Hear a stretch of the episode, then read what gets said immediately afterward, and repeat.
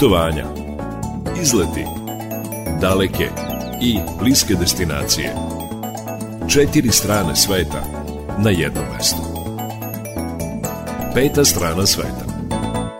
Dobar dan, dobrodošli u petu stranu sveta, turistički magazin Radio Novog Sada. S obzirom na to da je emisija magazinskog tipa, onda su teme šarolike, a ovo će biti jedan pravi magazin. Na početku emisije predstavit ćemo jednu turističku atrakciju koja se nalazi u Vršcu u samom centru. Reč je o apoteci na stepenicama, odmah posle prve pesme. Čućete šta se nalazi u toj apoteci i kako ona izgleda. I šta turisti uopšte misle, prolaznici, oni koji ne žive u Vršcu, da li je to apoteka ili je to muzej. Dakle, to ćemo prvo razjasniti. Posle Vršca vraćamo se u Vojvodinu, predstavit ćemo jedno domaćinstvo koje se bavi seoskim turizmom. Na Banstolu je to domaćinstvo. Posle toga govorit ćemo o jednoj egzotičnoj destinaciji. Reč je o jednom afričkom ostravu Sao Tome i Principe. Da, da, to je jedna daleka destinacija, pa ćete čuti i kako možete da dođete do onde, kakve su cene, koje su atrakcije, onda se opet vraćamo u granice naše zemlje, idemo do Novog pazara da predstavimo turističku ponudu toga grada i njegove okoline. Zatim ćemo čuti nešto o zlatiborskim atrakcijama. Mi smo već dosta u turističkom magazinu Peta strana sveta govorili o znamenitostima koje se nalaze na Zlatiboru i takođe smo govorili i o Stopića pećini i to veoma detaljno a manje je bilo reči o zanimljivostima koje su vezane za tu pećinu, tako da da ćete saznati šta se sve dešavalo u toj pećini i oko nje i kakve legende, priče su vezane za tu speleološku lepoticu. Tu ćemo se već približiti i kraju emisije, čućete turističku ponudu Novog Sada, čućete kakva je istorija Vladičanskog dvora koji se nalazi u Zmaj Jovinoj ulici. Eto, to bi bila najava turističkog magazina. Ako vam se sviđaju teme, ostanite uz nas. Muzički urednik biće Srđan Nikolić, majstor tona Damjan Šaš. Ja sam Irina Samopjan i neka ovo naše putovanje počne.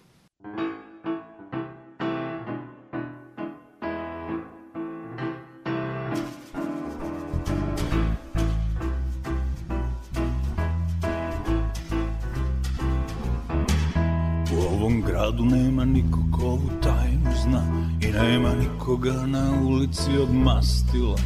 U ovoj sobi nema ništa osim osmeha i ti ja. U ovom gradu svi su skitnice bez krovova I nema niko ko zna tajnu celih brojeva. U ovoj sobi sjaje sveće iz ogledala I ti ja. Pesme moje za nas dvoje. Pevam samo oči tvoje.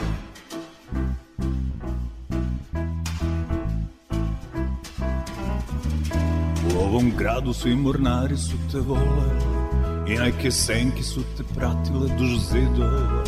U ovoj sobi noć je umorna od vozova I ti i ja ovom gradu ja sam glasniji od oblaka I nemam krevet jer moj krevet je muzika. U ovoj sobi ljube se prozor i zavesa I ti i ja. Pesme moje Za nas dvoje Pevam samo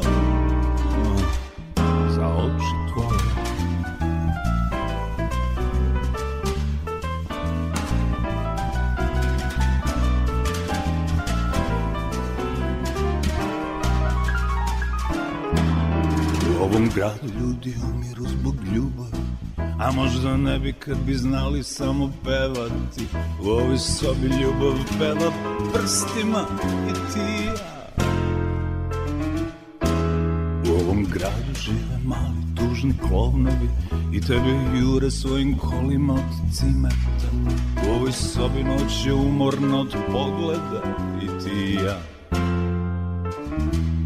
Pesme moje za nas dvoje Pevam samo pesme moje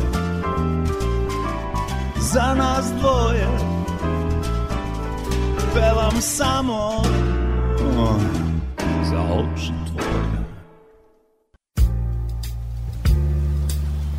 Turistička razglednica.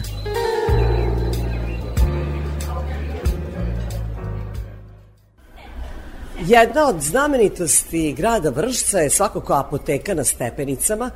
Ja sam sada prvi put u toj apoteci i kada sam ušla pitala sam se da li je ovo apoteka ili je ovo muzej.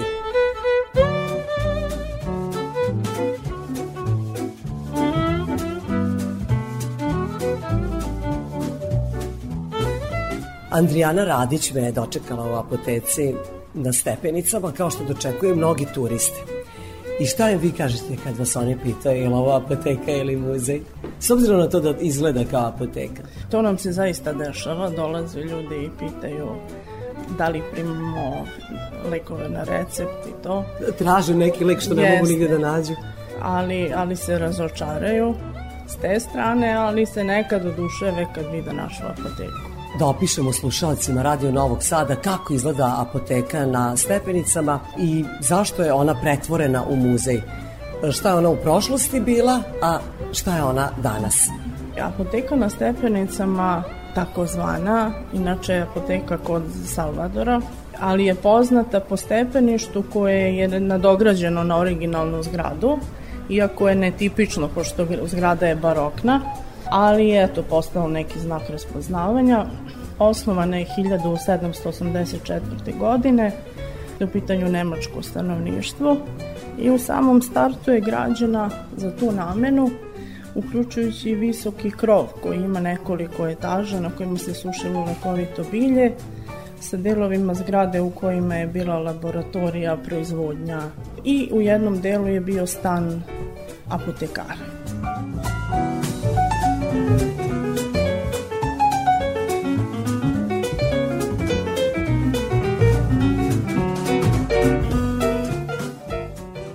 Osnovana krajem 18. veka i šta se dalje kroz istoriju dešavalo sa ovim zdanjem? Pa ovo, ovo zdanje je e, menjalo puno vlasnika. Eto, najpoznatiji je polubrat e, Paja Jovanovića, Aleksandar, koji je e, završio farmaciju u Budimpešti i došao ovde 1928. godine, kupio apoteku I radio kao farmaceut. i radio kao farmaceut i njegovi sinovi su takođe završili farmaciju, tako da je biznis bio porodični dugo.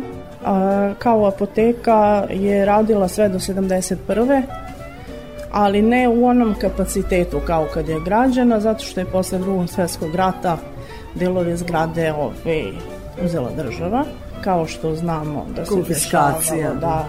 I od 71. je on prodao Aleksandar Jovanović, stvari ne, Jovan, on više nije bio živ tada, ali ne, porodica je prodala stan i apoteku u opštini, koja je to pretvorila u muzej.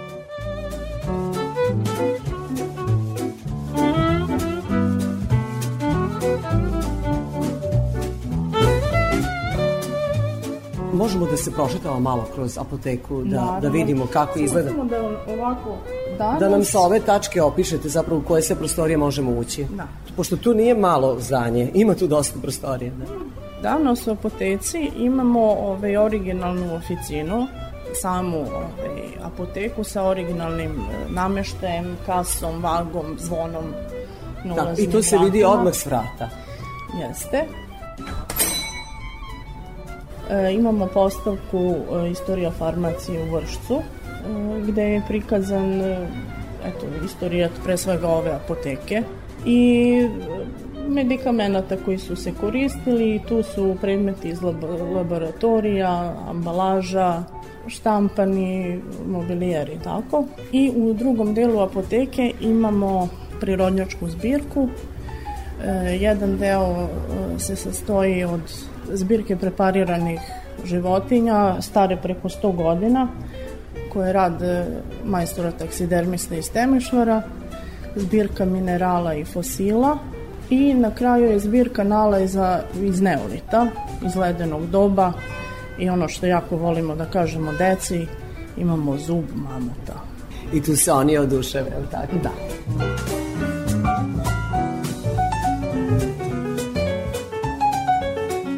Za kraju da samo pomenemo kada je apoteka otvorena za posetioce. Svim danima osim ponedeljkom, s tim da od utorka do petka radi od 10 do 16 časova, a subotom i nedeljom od 10 do 17. Hvala vam što ste bili naš kustos u apoteci kod spasitelja. Prva apoteka u Vršcu se zapravo zvala kod Salvatora ili ako više volite da je zovete apoteka na stepenicama, tako je u vrstu svi zovu i sigurno ćete pronaći zgradu ako nekoga pitate na ulici gde se ona nalazi, lako ćete je pronaći.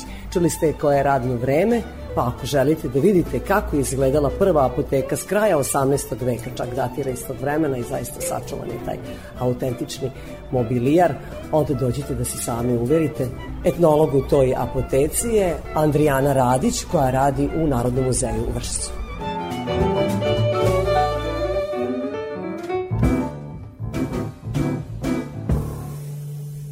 Peta strana sveta.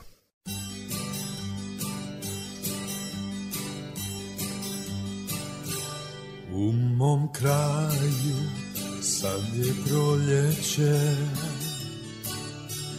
Moja mama kuha najbolje. Okus trešnje na tvojim usnama. Slatki nemir svud u grudima. Mjesec gori iznad prozora. Moja ljubav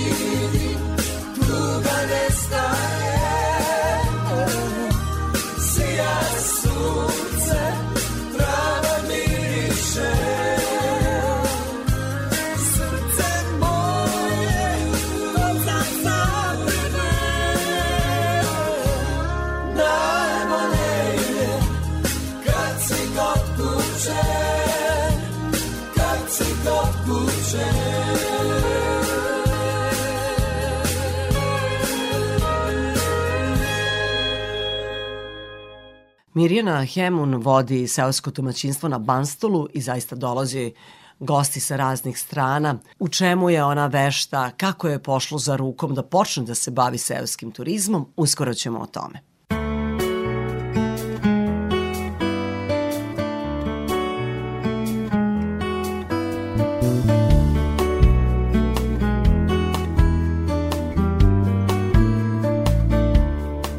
You're a falling star. You're the getaway car. You're the line in the sand when I go too far. You're the swimming pool on an August day. And you're the perfect thing to say. And you play it coy, but it's kinda cute. Oh, when you smile at me, you know exactly what you do. Baby, don't pretend that you don't know it's true. Cause you can see it when I look at you. And in crazy life, and through these crazy times, it's you, it's you. You make me sing. Your every line, your every word, your everything.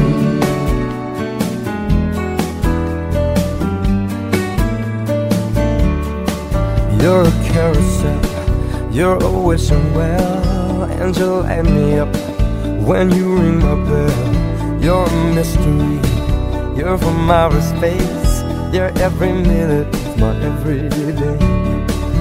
And I can't believe uh, that I'm your man, and I get to kiss you, baby, just because I can. Whatever comes our way, I will see it through.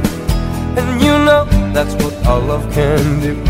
And in this crazy life, through these crazy times, it's you, it's you. You make me sing your every line, your every word, your everything.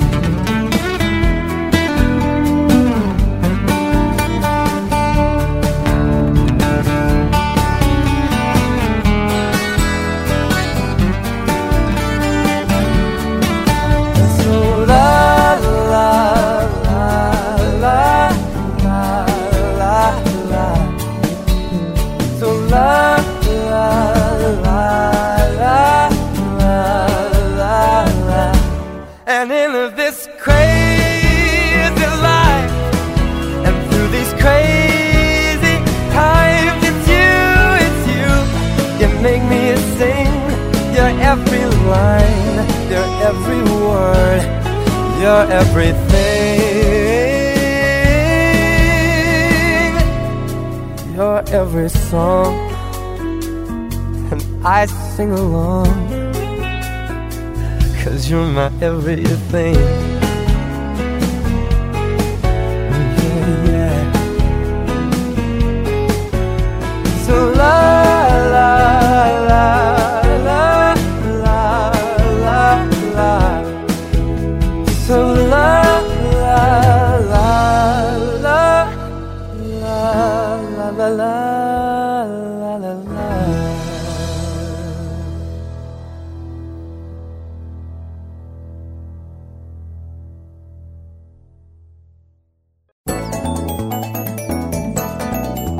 Povedi me. Mirjana Hemun je vlasnica seoskog domaćinstva koje se nalazi na Banstolu, to je u opštini Indija. Redki su oni koji se upuštaju u seoski turizam, u ruralni turizam. Mirjana, da li je to vaša privatna kuća ili ste vi tu kuću osposobili za takvu vrstu turizma? Ja sam ovaj, prvo osnovala udruženje Žena Banstolka. A mi žene na Banstolu e, bavimo se voćarstvom i bavimo se prerodom slatke i slane zimnice. Došla sam na ideju jer imam e, višak prostora da bi ja mogla da registrujem seosko turističko domaćinstvo. Jer meni je cilj da gosti dolaze kod mene, da spavaju, da zajedno sa mnom spremaju slatko slanu zimnicu, da zajedno sa mnom kuvaju, a naravno kad krenu kući da te naše zajedničke proizvode ponesu sa sobom. Dakle, vi ste osmislili ne samo da oni uživaju u prirodi, nego da imaju neke aktivnosti kojima će se baviti i pretpostavljam da gosti koji dođu to rade na tradicionalni način sa vama. Naravno. Onako kako su radile vaše Naravno, baka i naravno. majka. Pošto ja od 2010. godine krenula sam na razne manifestacije i sve moje proizvode radim na tradicionalan način koji je bezbedno zdrav. Taj isti sistem rada radim zajedno sa mojim gostima. Što je najbitnije, oni to vole da rade, uživaju u tome, e, taj proizvod koji su napravili ponesu sa sobom i ponovo se javljaju. Mislim da bolje reklame od toga nema. Ko dolazi kod vas? Ko su ti vaši gosti? Da li su oni iz naše zemlje ili više ima stranih turista koji vole selo, vole lepotu prirodu? Ja sam u saradnji sa turističkom agencijom Panakop iz Novog Sada. Takođe sam isto vezana za našu turističku organizaciju Indija. Prvo sam počela sa njima da radim i oni su mi slali goste. Naravno, gospođa Ivanka Tasić koja ima svoju agenciju Panakop, ona već radi duže godina i dosta radi sa strancima. Imala sam sreću da sam imala kod mene goste Mađarska, Slovenija, Ukrajina, Rusija, Holandija, Švedska, iz eh, Danske i naravno i naši naši ovaj gosti koji su ovaj iz bivše Jugoslavije.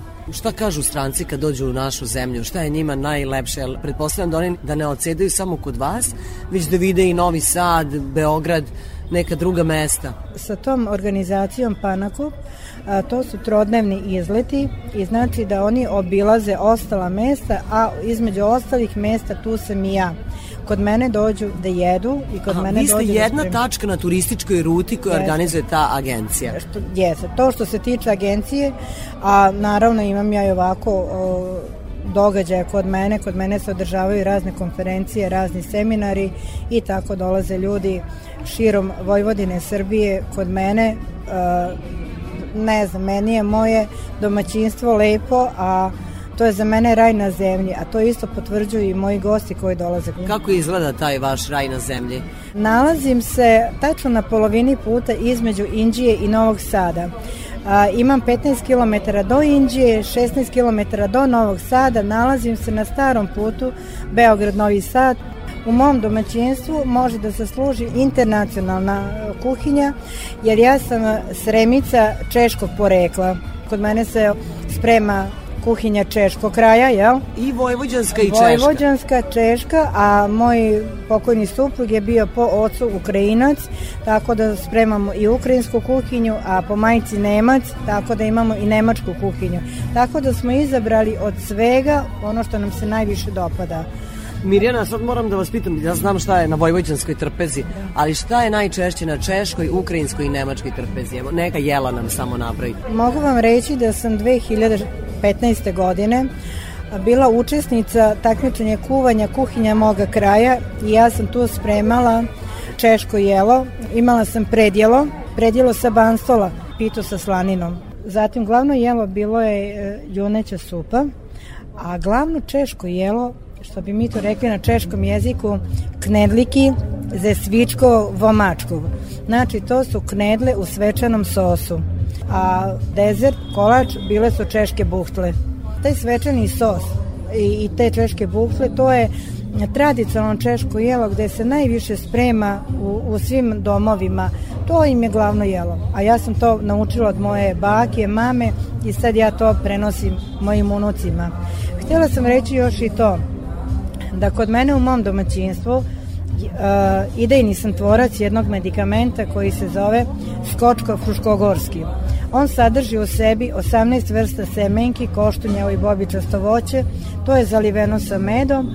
Dobro je za jačanje imuniteta, regenerisanje kompletnog organizma za umni rad, naravno menadžerski stres, a takođe odličan kao prirodni afrodizija, koristi se kao seksi salata i onda je to radost u kući. Gosti koji dođu kod Naravno. vas obavezno to probaju i ponesu. Gosti koji dođu kod mene i koji spavaju kod mene, taj medikament nalazi se na njihovom noćnom stoliću, to oni konzumiraju, zadovoljni su, kupe za sebe i nose svojim prijateljima.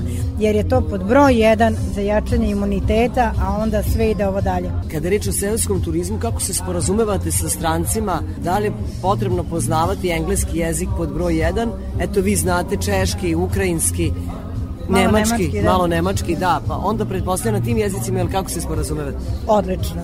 Odlično, malo pričamo ovaj jezikom, malo pokazujemo rukama, a najbolje se slažemo kad jedemo. Onda se najbolje razumemo jer svi volimo da jedemo, a mora se znati engleski, ali dobro, ja imam neki mali priručnik, pa onda uz to tako i tako, ali uglavnom kad mi dolaze gosti preko agencije, obavezno imamo svoga prevodioca i tako da nije nikakav problem. Kad čovek ima volju, kad čovek ima želju za radom, taj čovek može da se snađe, sporazume se i uvek se nađe neki pozitivan put za sve. E, Mirjana, e, da li na Banstolu ili opštini Inđija, da li poznajete još oni koji su se upustili u seoski turizam kao vi? Pa kod mene u opštini Inđiji seoski turizam imam samo ja. Imamo u opštini etno kuću, imamo na pomolu e, da se registruje salaš 1 koji treba da zaživi, a sve ovo ostalo šta da vam kažem, nažalost trenutno u Inđiji nemamo ni jedan hotel.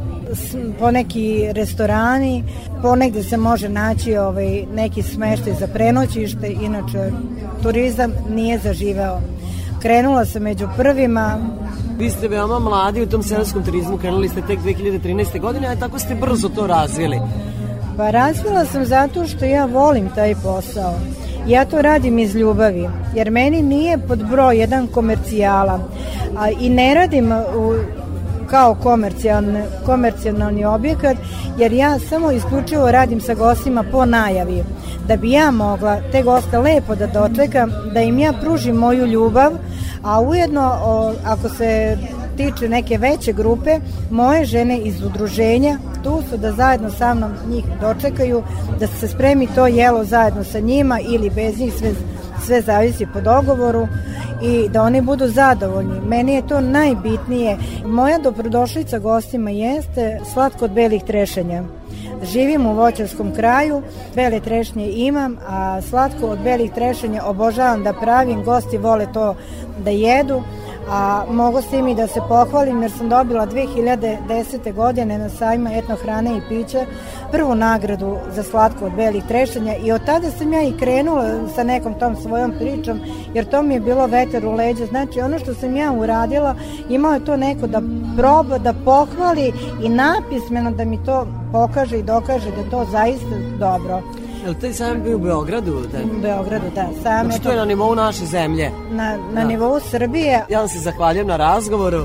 hvala i vama Moja sagovornica bila je Mirjana Hemon, koja je gazdarica etno domaćinstva na Banstolu. Banstolka Banstolka, da, Sremica, ali koja ima i češke krvi, i ukrajinske i nemačke i govori pomalo te jezike i prima goste i bavi se seoskim turizmom. Peta strana sveta.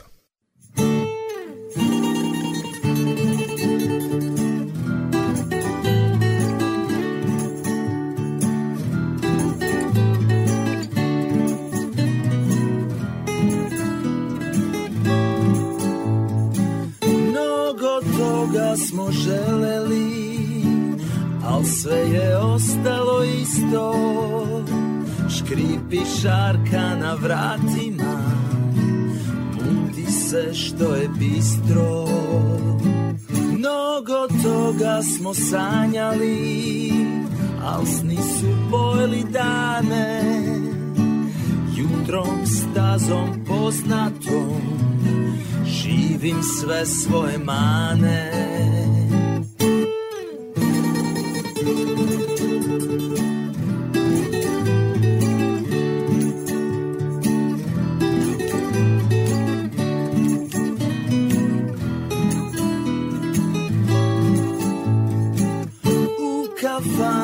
svi nasmejani Niz grlo pivo teče. O ničemu ne razmišljam Sutra zaboravim večer Smatram velikim uspehom Kad nađem parking mesto. Da li sam uopšte živeo Zapitam se često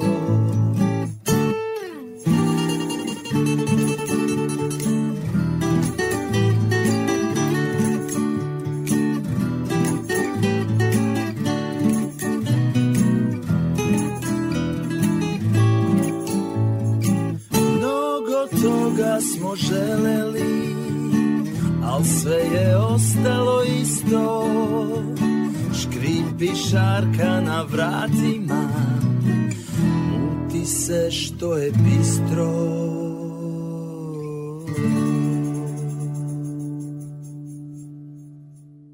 Ostanite uz Radio Novi Sad uz turistički magazin Peta strana sveta. Uskoro ćemo govoriti o jednoj vama egzotičnoj zemlji, nije ni lako stići do nje, a i nije baš za svačiji džep. Reč je o ostrupskoj zemlji Sao Tome i Principe.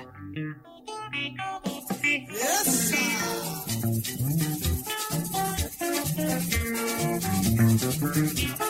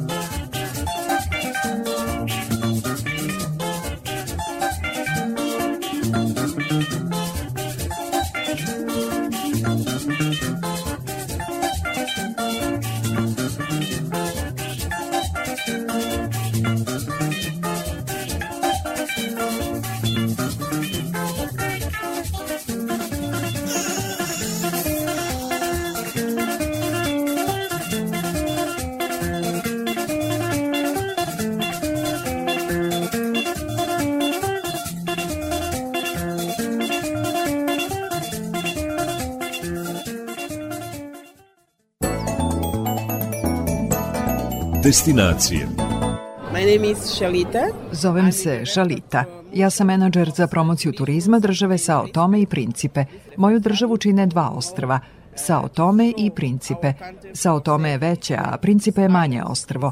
Ova državica sastavljena od dva ostrva nalazi se na samom ekvatoru i samim tim ima tropsku klimu. Sao Tome i Principe je najmanja afrička država, zar ne? Yes, yes, yes, yes. Tako je, da. Sao Tome je turistička destinacija koja je pod najvećom zaštitom u ekvatorijalnoj Africi. Kod nas možete videti prelepu prirodu, plaže su predivne, možete posmatrati ptice. Ovamo smo došli da se predstavimo i da ljude upoznamo s našom državom kako bi oni došli da posete Sao Tome i Principe. Što se tiče smeštaja, raspolažemo velikim brojem hotela, gostionica. Smeštaj u hotelima je nešto skuplji. Noćenje košta oko 100 dolara. Ukoliko želite da prođete jeftinije, smeštaj možete potražiti u gostionicama, gde noćenje staje između 5 i 14 dolara na dan. Možete iznajmiti auto tako da njime možete obići ostrvo. Sve u svemu, to je uglavnom to što mogu da kažem o svojoj zemlji. Kako da doputujemo na Sao Tome i Principe? Na Sao Tome iz Srbije možete doći tako što ćete avionom najpre leteti za Lisabon. Taj let, koliko ja znam, traje oko dva i po sata. Iz Lisabona postoje direktni letovi za Sao Tome koji traju oko 6 sati. Ukoliko želite da rezervišete smeštaj, to možete učiniti preko interneta. Tamo možete da pogledate šta se sve nudi i da izaberete.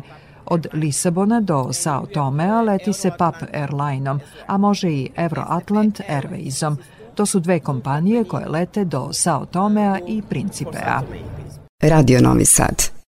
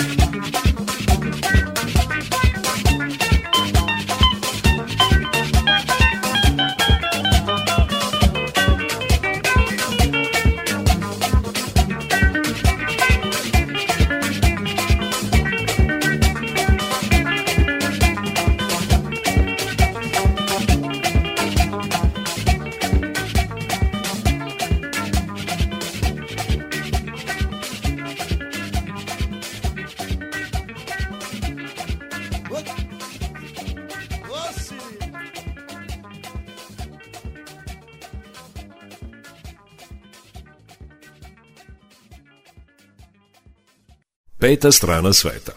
I u nastavku turističkog magazina Peta strana sveta govorimo o ostrvu Sao Tome i Principe. Moja sagovornica je menadžerka za promociju turizma te države Šalita. Destinacije. Možete li nam reći nešto o vašoj istoriji? Is uh, Naša istorija je istorija ropstva. Pošto smo nekadašnja portugalska kolonija, govorimo portugalski jezik kao u Portugaliji. I engleski? Um, Znatno manje. Da, ljudi govore engleski jezik, ali je zvanični jezik Sao Tomea i Principea portugalski, a tu je i kreolski dijalekt. Kreolski je autohtoni jezik u našoj zemlji.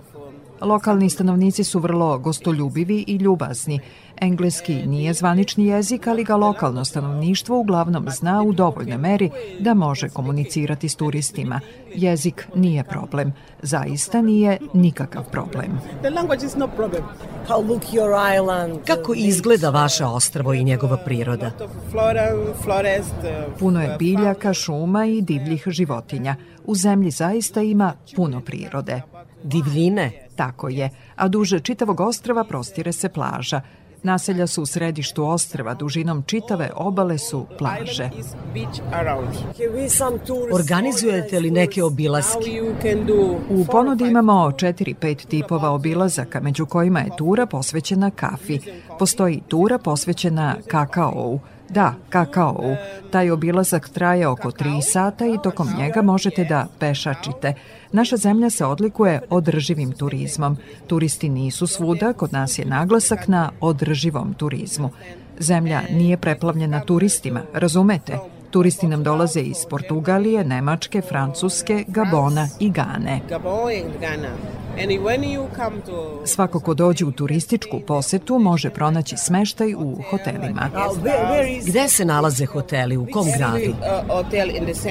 U centru Sao Tomea nalazi se hotel Five Star. Južno od centra nalazi se još jedan veliki hotel, ali je boravak u njemu jeftiniji. Principe ima više hotela, ali su oni skuplji. Luksuzniji su, pa samim tim i skuplji. Oko 100 dolara za noćenje? No, Ne, ne, više od toga. Dosta, dosta više. Peta strana sveta.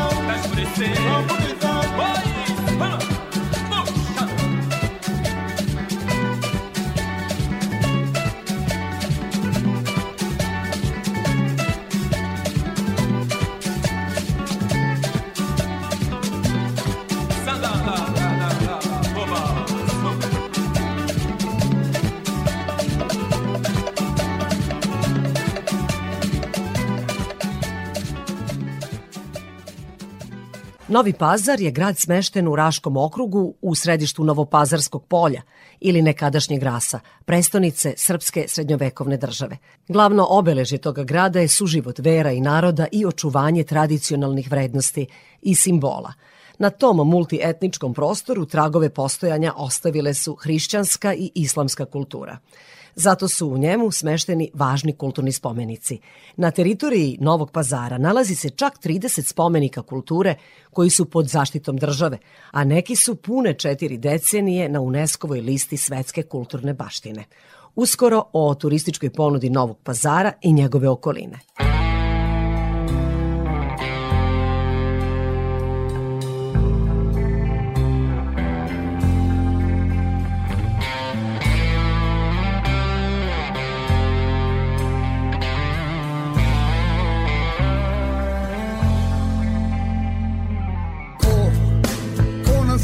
Zna.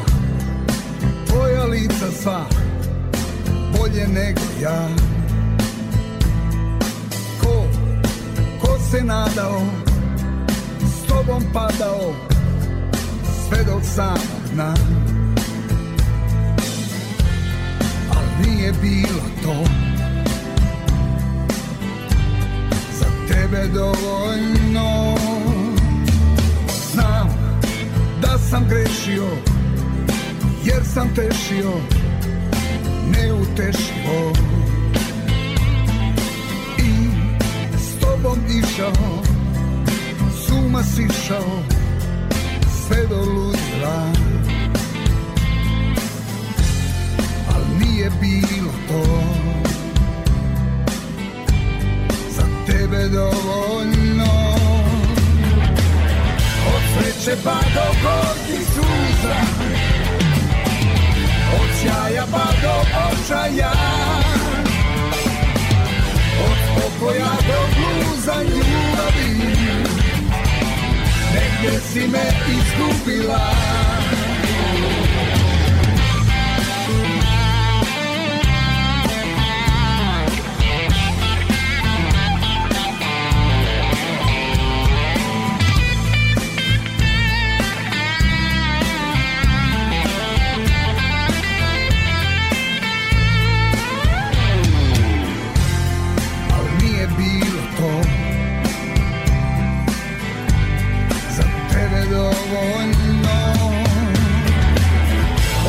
Od sreće pa do gorkih suza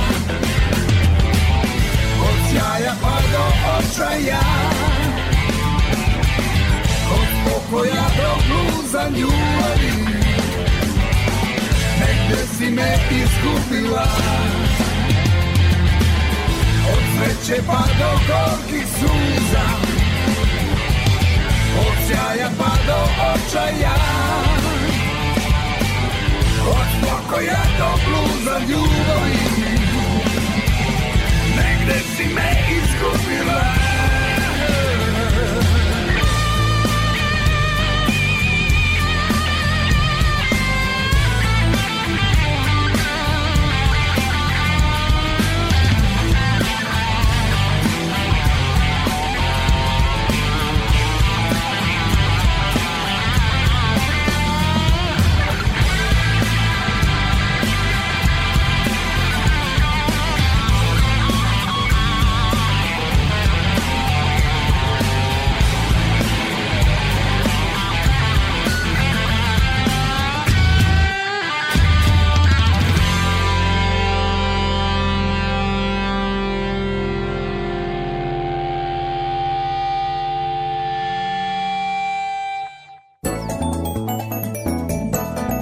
Destinacije Bila sam u Sjenici kada sam išla da vidim predivni pogled sa Vidikovca molitva, onda sam morala da prođem kroz Sjenicu. I videla sam kako ona izgleda i Sjenica je grad koji takođe ima svoju turističku ponudu, blizu je Novog pazara, ali u Novom pazaru nisam bila. Pa čak ni da kupujem farmerice, znam da imate taj shopping turizam veoma razvijen. Moj sagovornik je direktor turističke organizacije Novi Pazar, Den Belojica. Čujemo muziku u pozadini i kažete važno je da ta muzika bude e, iza nas, da se čuje dok razgovaramo. Pa šta slušamo? autentične pazarske sevdalinke. Da, Novi Pazar je jedan od epicentara te regije, znači ne samo regije, nego što se tiče turističkih potencijala i mnogo, mnogo šire. Grad koji ima četiri spomenika pod zaštitom UNESCO, znači svetska kulturna baština, dovoljno da vam kažem da, u drža, da ima u svetu mnogo država koje nemaju ni jedan spomenik, a zamislite na tako maloj teritoriji kad imate četiri spomenika. Koja su to četiri spomenika? Sopoćani, dakle, vrlo je bitno da svaki bitno, pomenemo. ne. Sopoćani, Đurđevi stupovi, Petrova crkva, Stari grad Ras.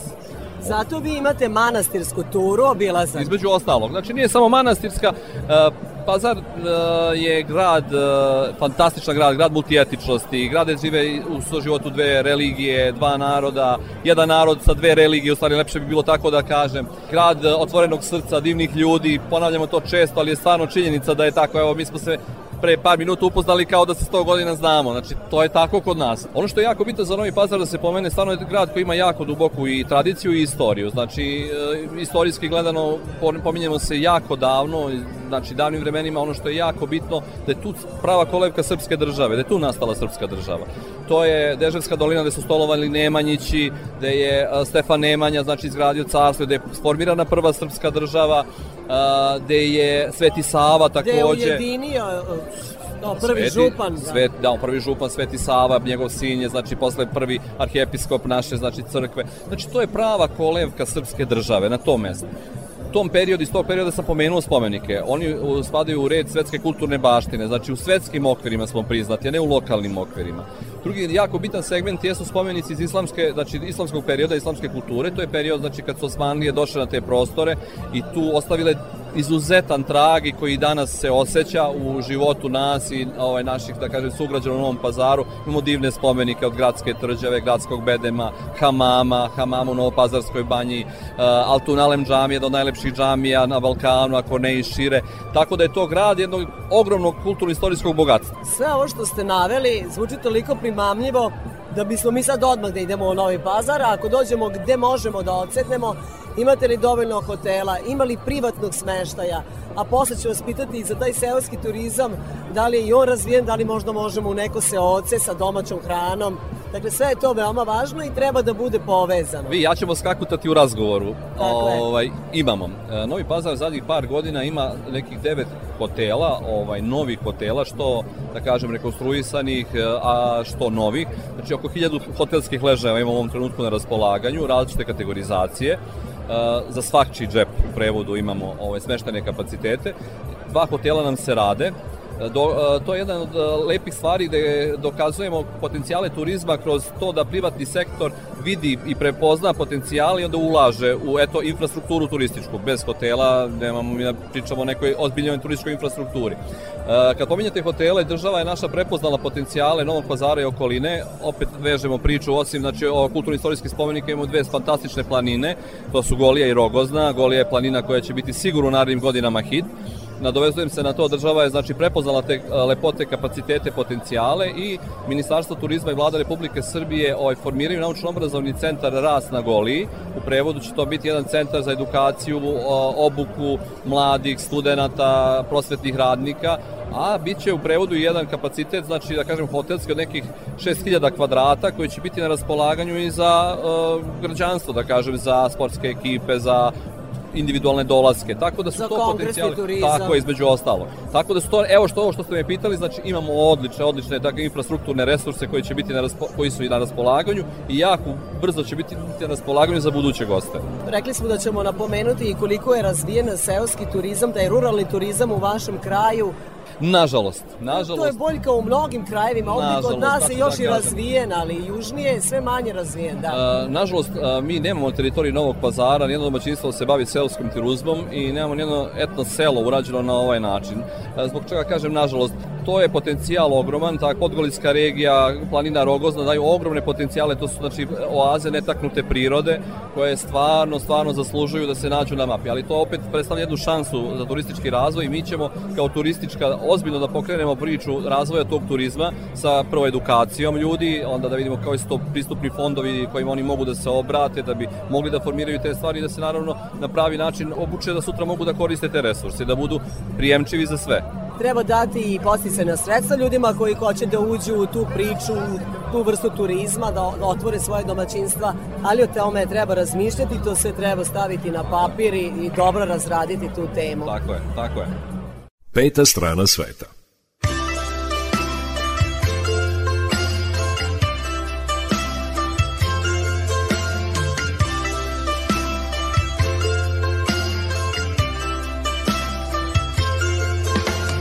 Nobody knows where he's on the map. Who'd ever think it could start such a flap? Each Montenegrin and Serbian too, waiting for something right out the blue.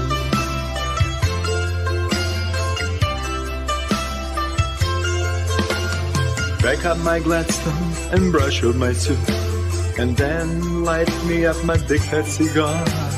If you want my dress, that's Orient Express to the Sanjak Novi Pazar.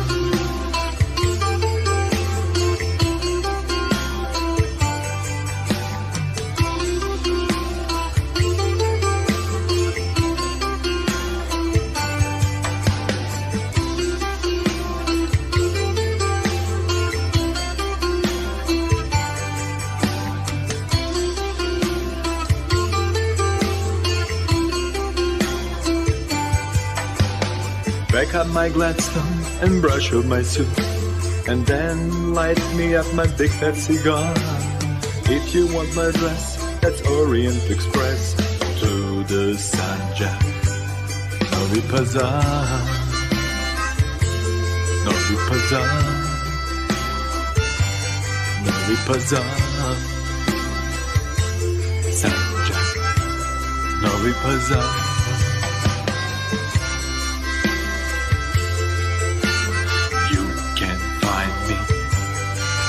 Pazar.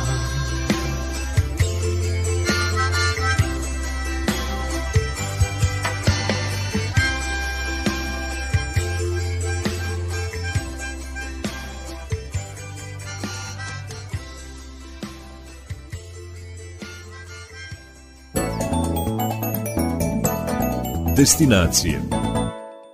Kada dolazimo u jedan kraj koji još nismo otkrili, eto kažem za mene Novi Pazar još je neotkriven kraj, treba da znamo onda i šta tamo možemo da pojedemo i da popijemo, e, kakva je vaša gastronomska ponuda. Jedan od turističkih potencijala Novog pazara jeste sigurno gastronomija. Jedinstvena, neponovljiva, fantastična. Znači, nije ona priča svako hvali svoj kraj, ali stvarno nije. Iz prostog razloga, samo da pomenem pazarski ćevap i mantiju, pa smo onda napravili već ogromnu reklamu. Znači, da daleko smo čuveni po tome. Vaš pazarski ćevap je od junećeg mesa. To je tajna. Juneće meso u kombinaciji sa još nekim mesom, ali kažem juneće ima juneći teleći, mi kažemo juneći teleći ćevap. Tajna spremanja ćevapa je posebna, ali originalna, autentičan, jedinstven. A ono što ga čini posebnim jeste ta sirovinska baza. Predivna pešterska visoravan, netaknuta priroda, ekološki potpuno ispravna, čista, to je nama baza znači za našu hranu koja je fantastična.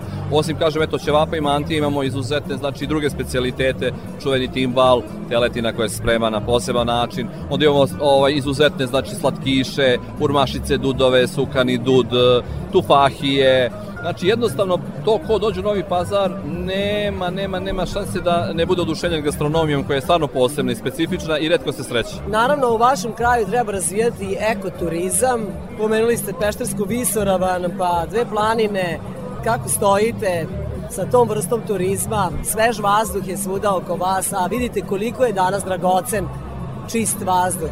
Mi radimo jako puno na tome. Znači, infrastrukturno a, sam pomenuo što tiče tih smeštenih kapaciteta. Kreće ra- razvoj tih pešačkih staza, biciklističkih staza. E, imali smo i neke trke na goli i rogozni.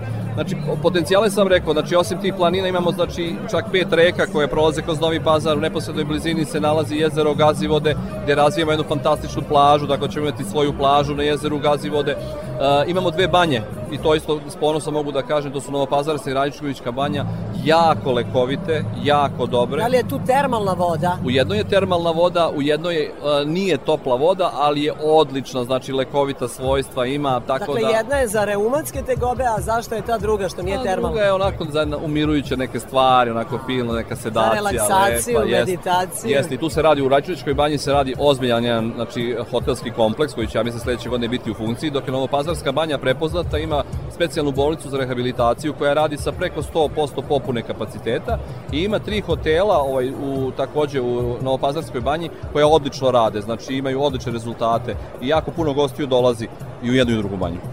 Mi smo pomenuli stari grad Ras. Nismo pomenuli stari grad uh, sad, ali smo ga pomenuli malo pre kao autentičnu stvar, kao jedan deo ovaj, pod UNESCO-om, zašte UNESCO, znači stari grad Raz sa trgovištem je uh, vojna, vojno utvrđenje koje se nalazilo na jednom od ulazaka u grad uh, i mi projektno se trudimo da ovaj, obuhvatimo taj deo i da ga rekonstruištemo, odradimo uh, i uh, pre par godina je turistička kroz projekte sa Ministarstvom trgovine turizma i telekomunikacije odradila jednu divnu stazu koja ide od pazarišta, trgovišta do ovaj, starog grada Rasa. Tako da i to Jedan je kilometar, da. Tako je, tako je. Tako To je, to je uspon srednje težine, sa odmaralištem. Vi i ja bez problema da prošetamo, znači do gore. I da proćaskamo. Naravno, i da proćaskamo uz to.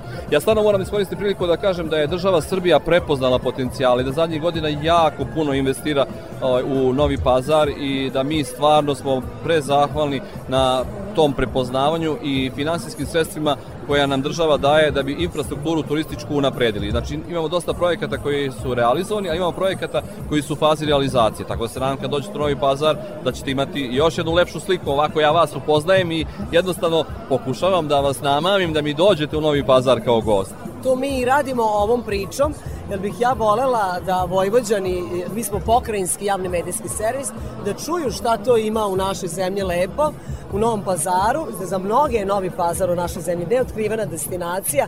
Pa mene zanima, je li ima Vojvođana kod vas? Da li vam je to poznato? Imate to u statistikama nekim? A, nažalost, statistike nemamo neke precizne o ovaj, do, dolazcima O gostiju, ali, tako gostiju, da. ali imamo jako puno poseta ovaj, iz Vojvodine.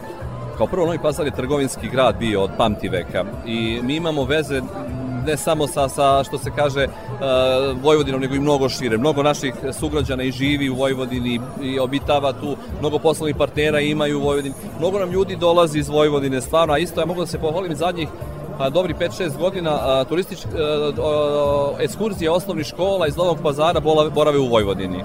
Znači, to ipak je destinacija koja nije to dovoljno blizu, tako da učenici osmih razreda u sklopu svojih materskih ekskurzija borave u Novom Sadu, u Subotici na Paliću. Tako da dolaze sa jako pozitivnim iskustvima, jako pozitivnim onako utiscima iz Vojvodine. I očekujemo e, da će saradnja biti iz godine u godinu sve bolja. I ovaj sajam koji je prvi put ove godine ovaj, se realizuje u ovom modalitetu, na ovaj način, odvojen kao sam sajam turizma, ovde je ogroman, ogroman, da kažem, uspeh i mi smo sa pokrajinskim sekretarijatom za prirodu i turizam napravili sjajnu saradnju i mogu ovako da vam jednu tajnu odam, radi se na, na danima Novog pazara u Vojvodini i dan, danima Vojvodine u Novom pazaru. Tako da ćemo u perspektivi sigurno imati neke manifestacije tog tipa da se što više približimo jedni drugima. To je naša značajna manifestacija Dani Vojvodine, pa u Eto, postoje to, to. mesta u Temišveru, Bijeljini, na mnogo, mnogo i, i iz granica naše zemlje ta manifestacija izlazi i predstavlja Vojvodinu u najboljem svetlu, pa eto, drago mi je što ćemo Vodimo sarađivati. tako, vodimo razgovore na tu temu, mislim da ćemo Da. uspeti brzo da realizujemo i tu pričicu.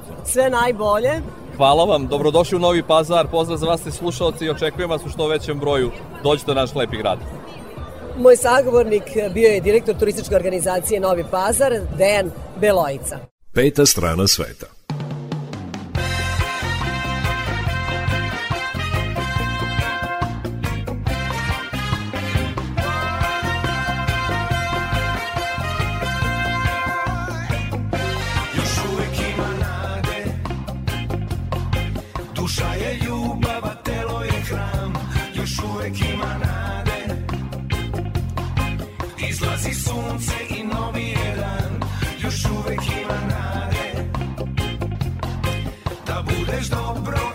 ostvariš san Još uvek ima nade. I ne dozvoli da ti pokvare plan. Moji ljudi Nikada glavu ne spuštaju. Dobri ljudi Bez rezerve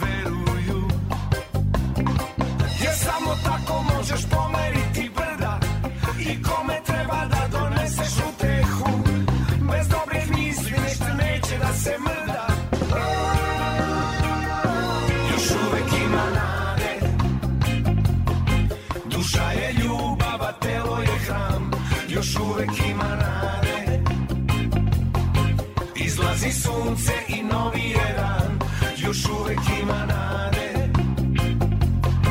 Da budeš dobro i ostvariš sam Još uvek ima nade. I ne dozvoli da ti pokvare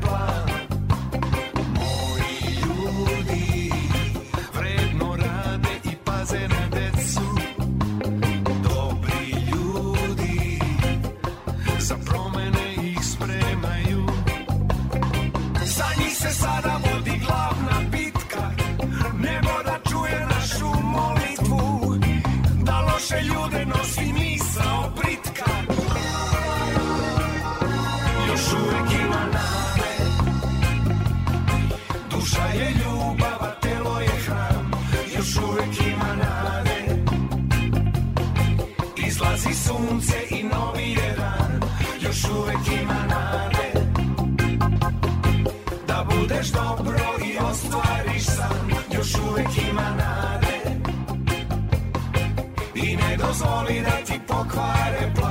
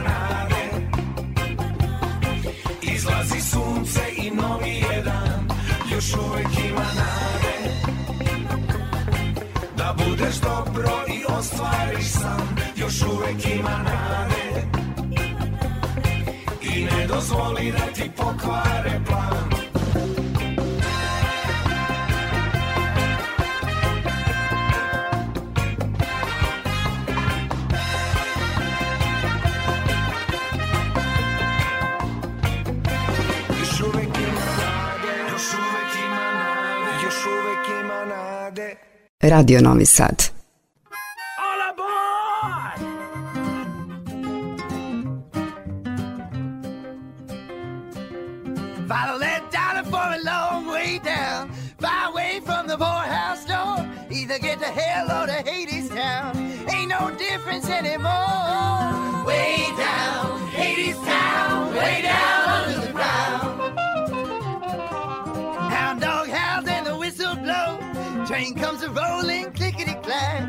Nobody knows where that old train goes. Those who go, they don't come back. Way down.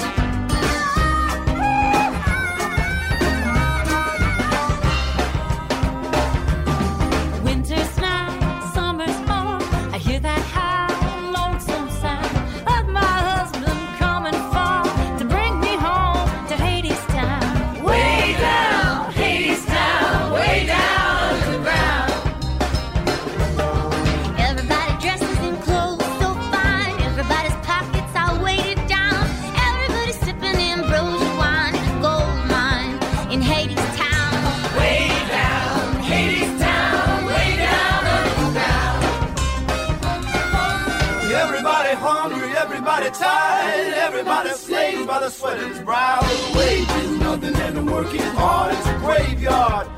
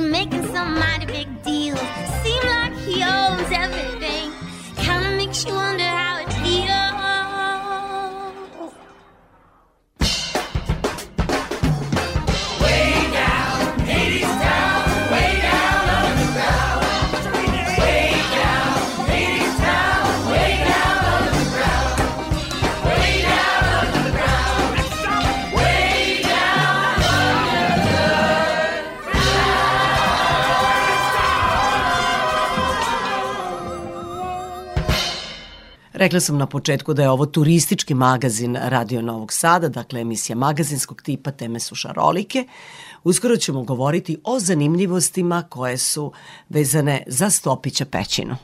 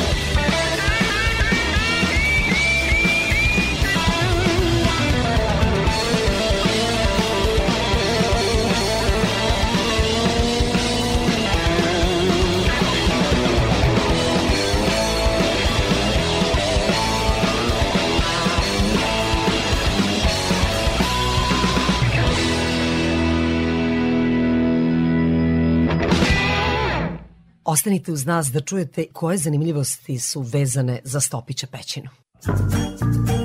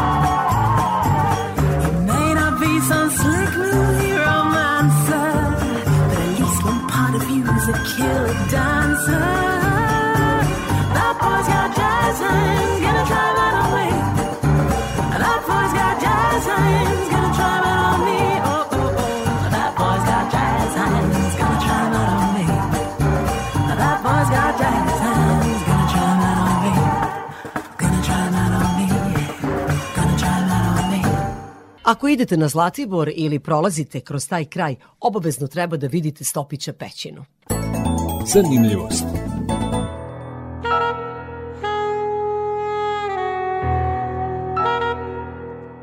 Dragomir Stopić je naš turistički vodič, pokazuje nam ovu prelepu pećinu koja je e, jedan od najpoznatijih turističkih lokaliteta u našoj zemlji. Dragomire, još uvek smo u Svetloj dvorani, e, naime na, na samom ulazu u Stopića pećinu, mada je ta dvorana i najveća, kažete da ima 76 metara u dužini.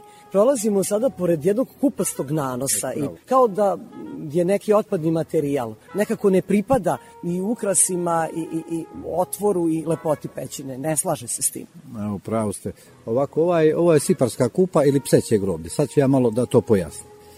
Ova siparska kupa, to je otpadni materijal, visoka oko 8 metara, dugačka je oko 15-20 metara. Ko zna koliko tu kubika ove zemlje ima i što šta tu ima. Eno, vidite tu i jedna velika panj od bukve.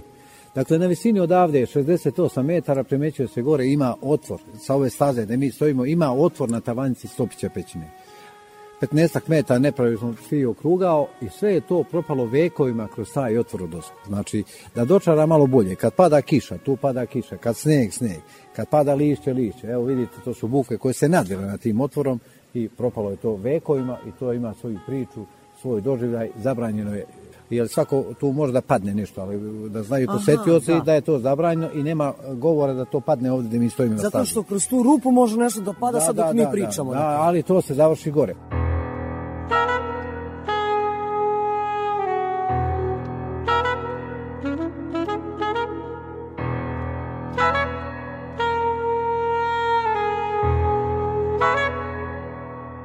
Pored ovoga otvora na tavanici još gore ima pet ogromnih, naše meštane ovdje zovu to du- dugore, međutim to je slučajno vigledi ili jame i sve te jame ima pet, ova je šesta i sve su oni spojeni kosnim kanalima dubini Ja, ja, sam- ja sam čitala, gospodine Stopić, o tome. Tih vigledi ima šest, Mhm, šest da. iznad pećine. Da, aha. I e, ljudi dugo nisu znali da li su te vigledi, odnosno ti otvori koji su široki, ima čak i 16 metara, e, kažu duboki su 22,5 metra. Nisu znali da li su digludi povezane sa pećinom. Zanimljiva je priča kako su ljudi došli do zaključka da li, da li su su povezani. Ljudi, to, da, to su prvo meštani znali. Nešto. To su sve uludice. Meštanima je bilo sumnje, oni stave obojen kamen. Znate, I ubace u rupu ubace u bilo koju rupu. Upadne u kanal. Kanale su 4-5 metara široki, 4-5 metara a, visina. Znači, oni su povezani svaka svaka, kreću sad u- pod nekim uglom, recimo sa 25 stepeni, tu završavaju na 45, to je veliki, velika nizbrdica. I oni su tu nalaze, dođu tu i nađu taj kamen koji su obojili, recimo crvene boje, šta znam. A međutim, posle su speolozi to detaljno ispisali, profesor doktor Radenko Lazarević, koga često pominjem, vrlo je zaslužan čovjek za otvaranje ove pećine, je ispitao, sad to jesu kanali, ali nekad je to bio prvi tok ovog Trnavskog potoka ili ponovno. Znači, to je bio neka tekla voda. Evo vidite, ovo je sve- Da, Stopića pećina je rečna Da, pećina. bravo, rečna da. pećina, I kroz nju protiče Trnavski potok. E, Sad ima i ovde pseće groblje, prvo su meštan ovih e, naših sela ovde bacali uginulu stoku. Međutim, pseće groblje je dobilo drugi naziv, e, bacali su uginule kučiće i tako, ali međutim prilikom ovde je bilo mnogo ljudi, e, lo- Speleologa, lovo, istraživača. I onda ima neka priča da su lovački psi, pošto ovde je bilo dosta lovaca, sitne divljači, nema ovde krupne divljači, da su lovci da su svi ti lovački jurili lise i da su jedno za drugim propadali u bilo ko tu- koju tu jamu, ne u u ovu prvu ovde što mi stojimo. Tako da su gore mumificirani, znači samo skeleti, to smo našli gore na vrhu i tako da su dali ime i pseće groblje. Znači, izvor, Znali se od kad su ti skeleti i od kada datiraju? pa ne može se zna, ali šta znam, relativno ima i starijih, ali ajde kažem neki možda 50, 60, 70 godina, ali to bi ostalo bi se skroz satrlo.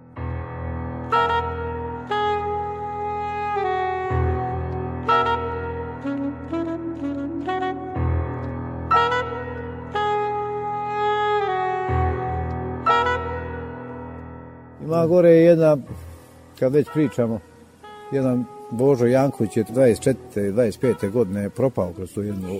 A, I koji, preživeo. koji je išao tu od Mirka Stopića, a on se zvao i ovamo je tamo je selo Rožanstvo, nas deli samo tu reka Prištajca, zato su ova pećina nalazi između sela Rožanstva i Trnave, jer, jer ovo je, su sve ovde imanja Stopića, Stakića, to svi ti ljudi tamo, jer samo nas deli reka Prištajca dole.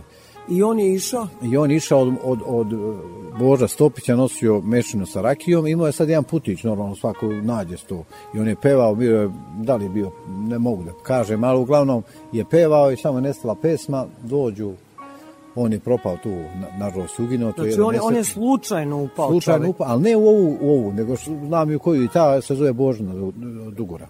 Znači, nije preživeo naš se njegov skelet. To je jedan nesrećan slučaj u skorije vreme, znači, a ovde 65. godine na Litici ovde, Stanimir Kacana Stakić je čuvala ovce, gore je i tu je pala, terala je ovce i nekako su kliznula, pala i tu je se okačila na jednu buku. I ona je nastradala.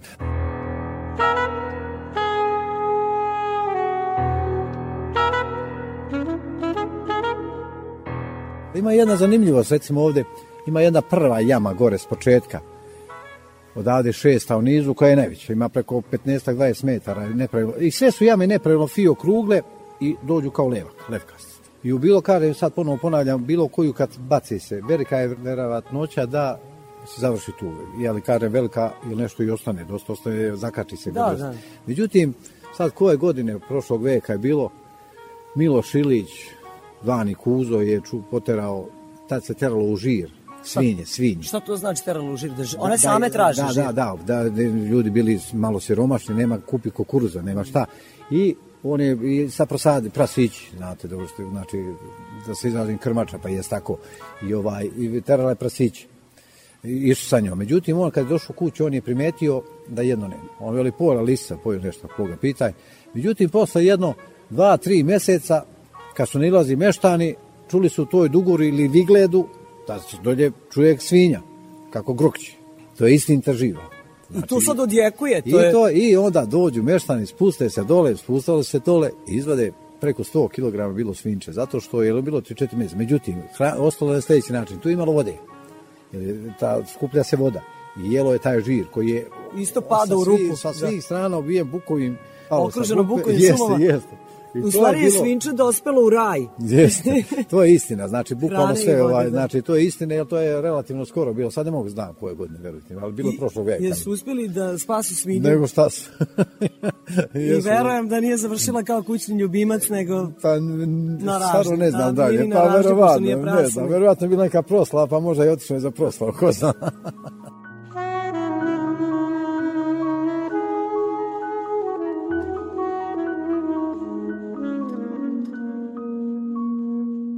peta strana sveta.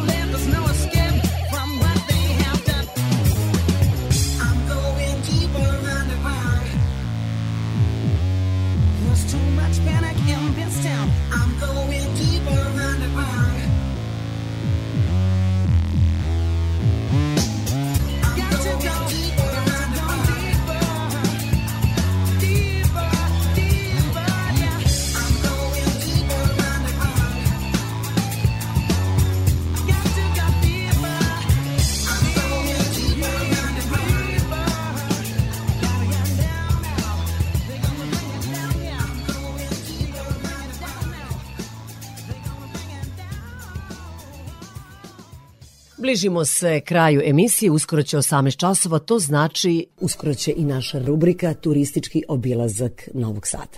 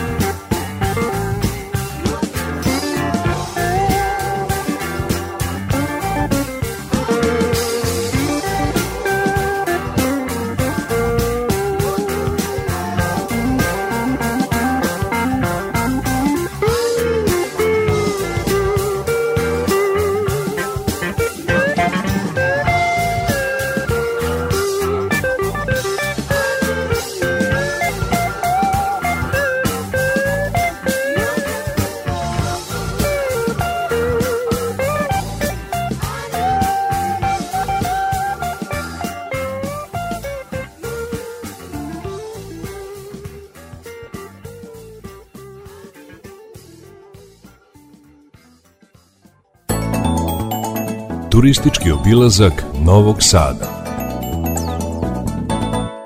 U Zmajovinoj ulici, iza spomenika po kojem glavna Novosadska ulica nosi ime, nalazi se Vladičanski dvor. Ispred te važne zgrade zastali smo sa turističkim vodičem Stevom Jelićem. On nam priča o dvoru i sabornoj crkvi koja je odmah do njega.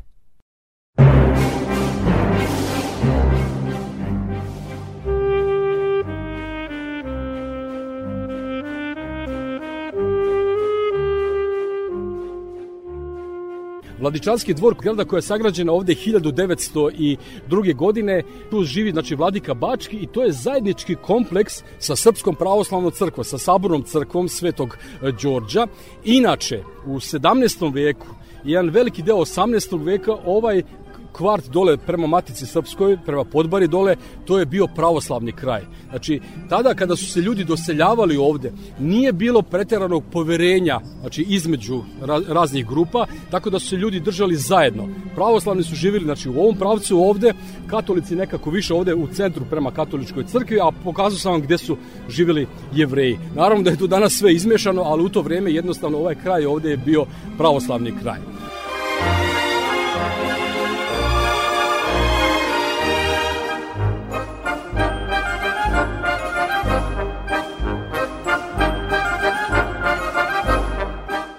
Ako pogledate ovu crkvu ovde, crkvu Svetog Đorđa, ona je sagrađena, ona je otprilike četvrta na ovom mestu jer su ranije i rušene i paljene crkve i tako dalje.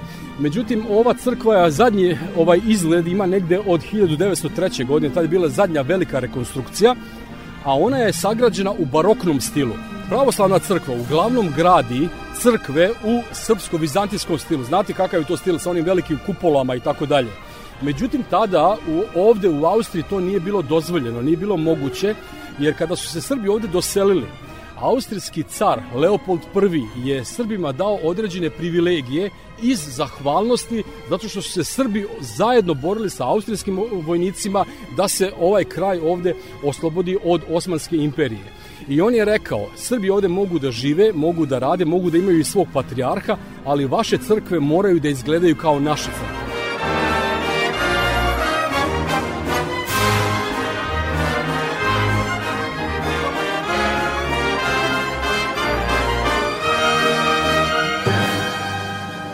Dosta često stranci me pitaju da li je ova crkva ikad bila katolička, pa onda pravoslavna. Ja kažem, nikad nije bila katolička, bila je uvek pravoslavna, ali smo morali u to vreme da gradimo ovakve crkve. Tako da, ako putujete kroz zemlje gde su Srbi živeli, ovde u Vojvodini, u Mađarskoj i u St. Andreji, gore, znači kod Budimpešte i u Hrvatskoj, iz tog nekog perioda 17. i 18. vek, uglavnom ćete nalaziti na, znači, ovakve crkve, znači koje su građene u baroknom stilu. Radio Novi Sad.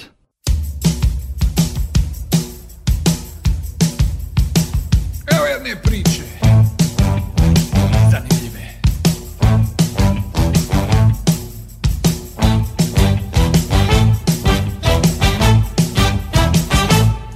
Bilo je ljeto vruće kad sam krenuo na put U stvari bježao sam od kuće, stari bio je ljut Rekao je glasno, jer nije mogao da shvati Idi, i nek te sreća prati u drugom gradu. Potraži nadu. Para sam imao za kartu za voz. Tam gdje bila juga i sve jeftino skroz. Bio sam umoran i bio sam mlad Kada sam stigao u Novi Sad U Novom Sadu. Ja tražim nadu U Novom Sadu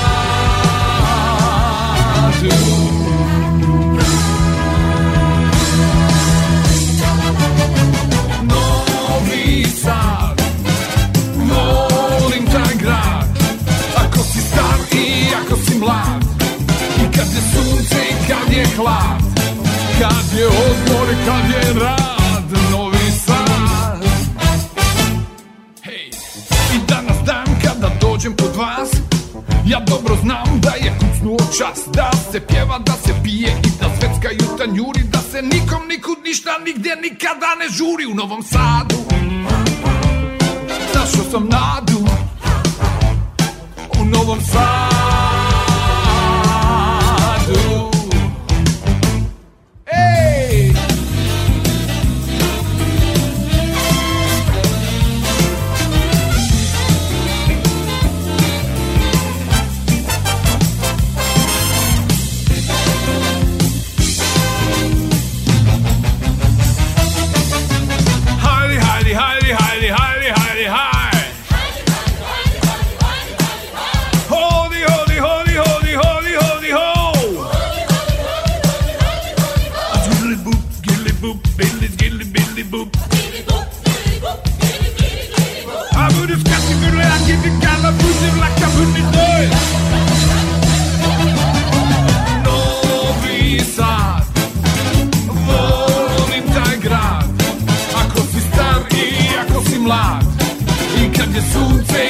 i kad je hlad,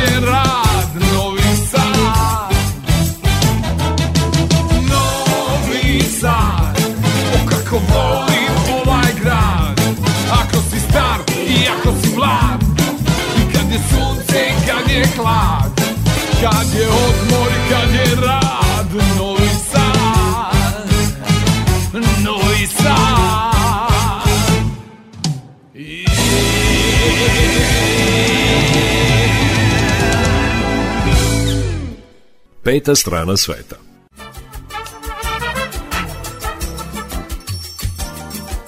Bilo je to sve poštovani slušaoci što smo vam pripremili u ovom izdanju turističkog magazina Peta strana sveta. Podsjećam vas da su u 18 časova naše najnovije vesti, a potom i naša najstarija muzička emisija Randevu sa muzikom. Do narednog petka pozdravljaju vas muzički urednik Srđan Nikolić i Irina Samopjan. Mi vam želimo srećan put.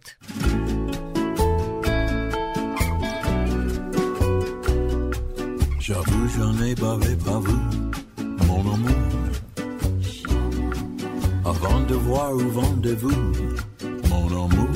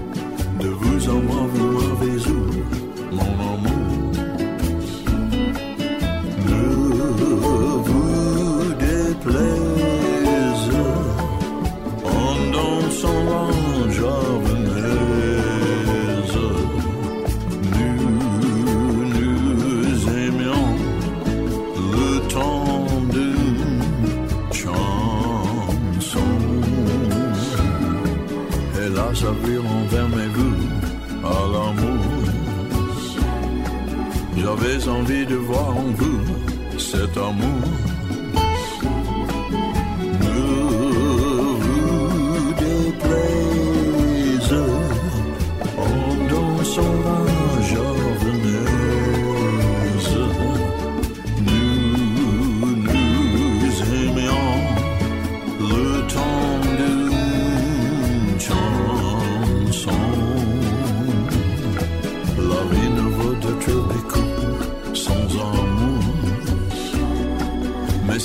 C'est vous qui l'avez voulu, mon amour. Ne vous déplaise en dansant la